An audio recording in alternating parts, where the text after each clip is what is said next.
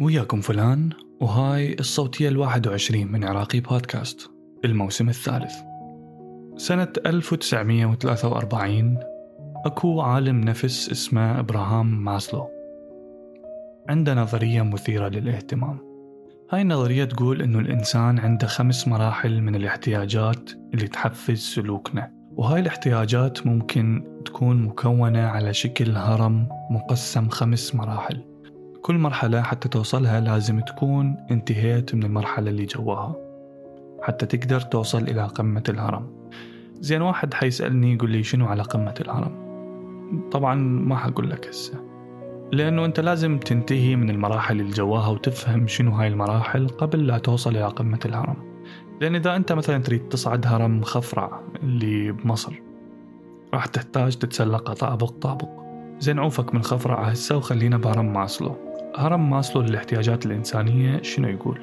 المرحلة الأولى بهذا الهرم هي الحاجات الفسيولوجية اللي هي تشمل التنفس الأكل الشرب المأوى الملبس الجنس النوم اللي هي المتطلبات البيولوجية الإنسانية الأساسية مثل الحاجة للتنفس الأكل الشرب المأوى اللبس الجنس والنوم مثل ما قلنا ما يقدر جسم الإنسان وعقله أنه يشتغل بشكل زين إذا ما كان عنده هاي الاحتياجات. كل الاحتياجات الباقية بالهرم تعتبر ثانوية إذا ما كان عندك احتياجاتك الفسيولوجية. باللحظة اللي تكون نمت بيها بشكل كافي ومعدتك مليانة راح تكون عندك حافز وسبب إنك تطمح وتتجه للمرحلة الثانية بالهرم. المرحلة الثانية بالهرم اللي هي الأمان. والأمان هنا ممكن نقول الأمان الصحي المالي الاجتماعي العاطفي. وهي حاجة تقدر تحصلها عبر العائلة والمجتمع. وراح تحتاج يصير عندك شغل يجيب لك فلوس أو موارد ومكان وقانون يحميك من الخطر وصحتك زينة. أنت هنا راح تبدأ تفكر بالمرحلة اللي وراها من الهرم. لأنه بفترة من فترات العراق ويجوز الحدث ما أدري الصراحة. الناس بعدها تدور على الأمان. وبعدنا عالقين بهاي المرحلة من الهرم. من نبدأ نشوف نفسنا طلعنا من هاي المرحلة أو بدينا نستقر بهاي المرحلة راح نفكر بالمرحلة اللي وراها. ثالث مرحلة بالهرم هي الحب والانتماء. تعتبر هاي الحاجة هي حاجة عاطفية عند كل إنسان. وحتكون عندك كإنسان للعلاقات الشخصية مثل الصداقة والحب والعائلة والانتماء. مثل انتمائك لدولة أو لعشيرة أو منطقة أو دين أو عصابة أو حتى كجروب على الفيسبوك. هذا النوع من الاحتياجات راح يحسسك بالثقة والقبول والحب والمودة. بشكل أنت تأخذ هاي الاحتياجات وتقدمها. والحاجة هاي قوية بشكل خاص بمرحلة الطفولة. وممكن أهميتها تتعدى الاحتياج للأمان بالنسبة للطفل. هذا الشيء يتفسر من تلقي طفل متمسك بأهله اللي ضربوه واللي يسيئون إله بس باللحظة اللي راح تحس بيها بأنك منتمي للمجموعة راح تبدأ تتمنى أنك تكون مميز عن الباقين. وهنا راح ياخذك المرحلة التالية من الهرم اللي هي الرابعة. رابع مرحلة بالهرم هي التقدير والاحترام وهاي المرحلة تنقسم قسمين. تقدير الذات مثل الكرامة والإنجاز والإتقان والاستقلال وتقدير الذات. والقسم الثاني هو احترام من الآخرين مثل المكانة الاجتماعية والبرستيج والثقافة والهيبة. هاي المرحلة تقدم لك الرغبة الإنسانية النموذجية بأنك تكون معترف بيك من الناس وتحس إنك مقبول ومتقدر. وهواي ناس ينخرطون بشغل بمنصب أو بمهنة أو هواية بس حتى يحصلون على هذا الاعتراف. ويحسون بالمساهمة أو القيمة. بس ممكن تدني احترام الذات أو العقدة الدونية تسبب لك اختلالات أو عدم توازن بهاي المرحلة من التسلسل الهرمي.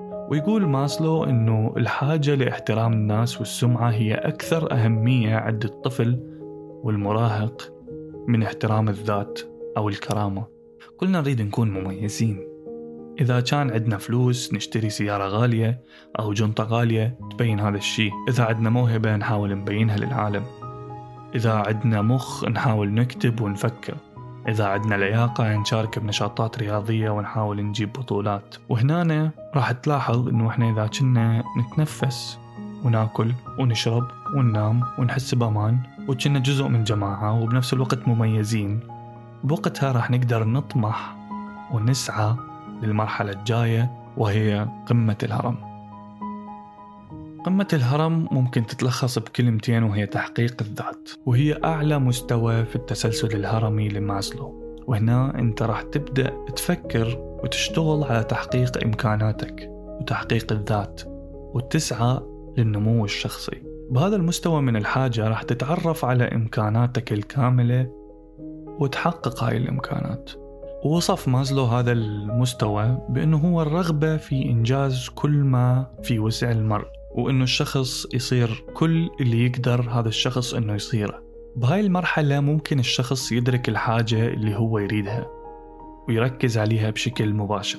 مثل أنه يكون الشخص عنده رغبة أنه يكون أب مثالي أو يكون لاعب كرة قدم محترف أو يكون مخترع. كل شخص راح يكون عنده طريقته الخاصة بالتعبير عن هاي المرحلة. من خلال الرسم، التصوير، الاختراع، الدراسة، الشغل وغيرها وغيرها وغيرها. بس ماسلو ما يتوقع إنه هواي ناس راح تقدر توصل لهاي المرحلة. بس أعتقد أنه كلنا نمر بلحظات مؤقتة لتحقيق الذات. هاي يسموها التجارب الذروة لتحقيق الذات. مثل الولادة أو الإنجاز الرياضي أو النجاح بالامتحانات. وهذا النوع من التجارب صعب تحافظ على استمراريتها. زين ليش ماسلو رتب هاي الاحتياجات بشكل هرمي؟ ومن يقول هذا الحكي أصلا منطقي؟ يعني هو ياهو يجي يحط لنا هرم ويحكي لازم إحنا نسمع كلامه. الإنسان الجوعان يقدر يعيش على خبز بس صح؟ زين شو يصير لرغبات هذا الشخص من يكون عنده كلش هواي خبز ولما تمتلي بطنه خبز لحد ما ينتخم؟ بهذا الوقت راح تطلع لهذا الشخص احتياجات ثانية بدال الجوع الفسيولوجي. يطلع له جوع من نوع ثاني. وكل ما أكلت وانتخمت من هذا الجوع راح يطلع لك جوع جديد أعلى منه. وهنا تجي فكرة هرم ماسلو للاحتياجات الإنسانية. لأن باختصار أنت ما راح تفكر بمكانتك الاجتماعية من أنت ما عندك خبز تاكله طبعا أكو شغلة مهمة لازم تعرفها هي أنه هذا الهرم مو شرط يتم اتباعه بشكل خطي ومباشر. لأن ممكن للأفراد أنهم يحسون باحتياجات مختلفة بنفس الوقت. ممكن ينزلون بهذا الهرم من فوق لي جوا أكو مرونة بهاي المراحل. ممكن تكون شخص عندك الاحتياج والاحترام للذات أهم من الحاجة للحب والانتماء. أكو أفراد عندها الحاجة للوفاء الإبداعي. أهم من الحاجة الأساسية والفسيولوجية مثل من تلقي واحد نايم بالشارع وما عنده شي ياكله بس قاعد يرسم وقاعد يغني. لهذا ماسلو ما سوى الهرم وراح نام. وإنما بعد فترة قرر يقسم هاي الخمس احتياجات إلى قسمين. القسم الأول هو قسم النقص والقسم الثاني هو النمو. ويقول لك أنت لازم تلبي احتياجات النقص قبل ما تفكر باحتياجات النمو. زين أني هسه شنو أريد أقول لك من خلال هاي الصوتية؟ تلقيك تقول هسه هذا جاي يتفلسف علي هسه وعباله هو أحسن من عندي. بس الحقيقة أنه هاي الصوتية وغيرها من الصوتيات تحكي لك أنه إحنا كلنا دنمر بمواقف وظروف إحنا ما نكون نريدها وإنما محتاجيها أو بمعنى آخر احتياجنا وصلنا لهاي المواقف. تشرح لك إنه أنت لازم تفهم إنك بيوم من الأيام انحطيت بهذا الموقف أو غير موقف لأن أنت عندك هذا الاحتياج. يعني إذا أنت شخص ما عندك تأكل أو ما عندك تشرب ما راح تفكر شلون تحقق ذاتك. أو إذا أنت شخص ما منتمي المجموعة أو المكان أو العائلة شلون تفكر إنك تتميز؟ تتميز هنا بالنسبة لمنو وبشنو؟ إذا تنتبه تلقي أنه هواي حكومات بهذا العالم تحاول تبقي المواطن بأول مرحلة من الهرم وبالزايد توصلك لثاني مرحلة. لأن من تبدي تصعد للمرحلة الثالثة أو الرابعة أو غيرها راح تبدأ تفكر بشي غير بطنك ومسكنك وشغلك. راح تبدي تقول دقيقة زين هذول ليش هيك يسوون؟ أو ليش هيك وضع البلد سيء؟ ليش لحد هسه ما تصلحت مشكلة الكهرباء؟ ليش أكو رشوة؟ ليش أكو محسوبية؟ ليش أكو فساد؟ أو ليش هيك البلد شكلها؟ فهم يحاولون يبقوك بقاع الهرم. وهذا مو معناه إنه هم واصلين لقمة الهرم. لأن هم لو واصلين لقمة الهرم بهدف سامي مثلا راح يبدون يساعدون كل الناس إنها تتسلق هذا الهرم. بس هم دي يسوون هيج لأسباب هواي إحنا نعرفها. يريدوك تبقى حاير بمشاكل القاع. لأن أنت إذا فرغت لهم ما راح تسمح لهم. ما راح تخليهم يسوون هيك بيك. لذلك الدول النامية مثل ما يسموها يحاولون إنها تبقى نامية. وما تنمو بطريقة اللي تبطل بيه إنه هي نامية وإنما تكون نمت بشكل كافي حتى طبعا تبقى تحت السيطرة. لهذا تلقي حتى الحكومة بهاي الدولة عالقة بمنتصف الهرم الاجتماعي وواقعة بقاع الهرم الأخلاقي. وهذا الأسلوب متبع من زمان يعني مو جديد علينا من قبل ما يكون أكو دول وحدود وجوازات. فلا تفكر إنه هذا الشيء مو طبيعي لأن هاي طبيعة الإنسان. بس لازم تفهم إنه لازم يكون عندك إيمان بالإنسان. لأن مثل ما أكو هيج ناس أكو ناس تانية. أكو ناس تحاول تساعدك وتوصلك للقمة أو على الأقل تطلعك من المراحل الأولى. تلقي دول تبدي تبني تبدي تحسن التعليم. تبدي تضبط الأمن حتى شنو الناس تصير أحسن تصير الحياة أحسن. وتبدأ الناس تفكر شلون تتميز وشلون تعبر وشلون تخترع وتنتج وتحقق أحلامها. وكل هاي الأشياء من تصير سوية راح تكتشف أنه أهم موارد الدولة هو الإنسان مو النفط. وطبعا اللي يصعدك الهرم مو شرط يكون شخص زين.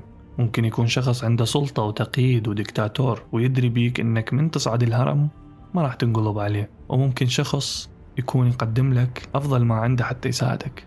فأنت المفروض ما راح توقف ضده لأن ما عنده شيء يخاف منه. المشكلة إذا تباوع على هذا النظام راح تلقيه يخوف لأن أنت إذا انحبست بوحدة من هاي المراحل وخصوصا الأولى حيكون صعب عليك تعيش. حتكون بس تريد تاكل وتشرب وتتنفس وعندك مأوى. وحتى مو كل اللي بالقاع مال الهرم عندهم هاي الأشياء.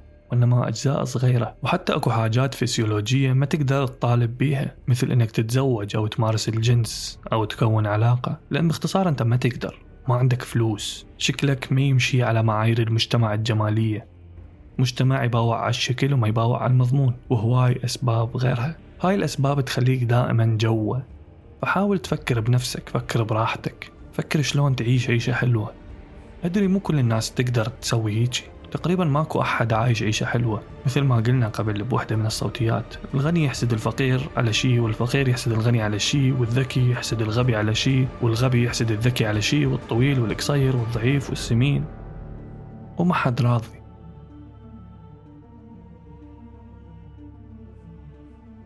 أكو عندي بالبيت بزون. صار لي مربيه من 2020 وكلش أحبه وكل العائلة تحبه وبقى عايش بغرفتي سنة كاملة فأكو هيجي علاقة بيني وبينه.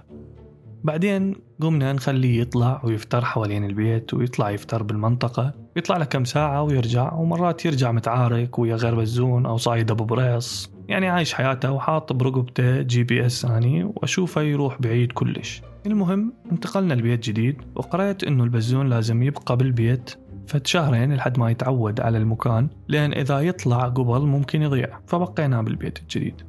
المهم بالبيت الجديد طلع لنا بزون هيجي من جو القاع طلع يحوم حوالين البيت وكل ما تطلع يتمسح برجليك ويلعب وياك ويقتل روحه. كنوع من طلب اللجوء يعني والأكل والشرب. فقمنا نحط له أكل وشرب برا لأن أهلي ما قبلوا نستقبل بزون ثاني للبيت واحد يكفي. من تجي على باب الحديقة مالتنا اللي ورا تلقي البزون مالتي قاعد بداخل البيت وديباوع برا.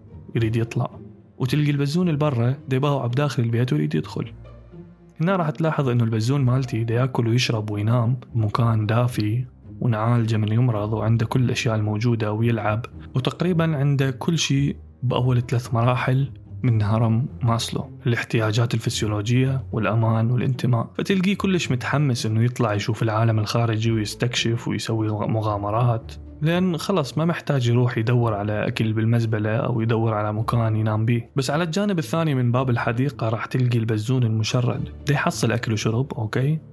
بس ما عنده مأوى. فتلقيه أبدا ما يفارق المحيط مال البيت وبس يريد أي فرصة يدخل بيها البيت لأن محتاج هذا الشيء. هنا راح تلقي كل واحد من هذول البزونتين عندهم احتياجات مبنية على شنو عندهم. فأتوقع فهمتوا الفكرة. كل بزون أو, أو كل شخص بينا عنده احتياجات بناء على مكانة بهذا الهرم.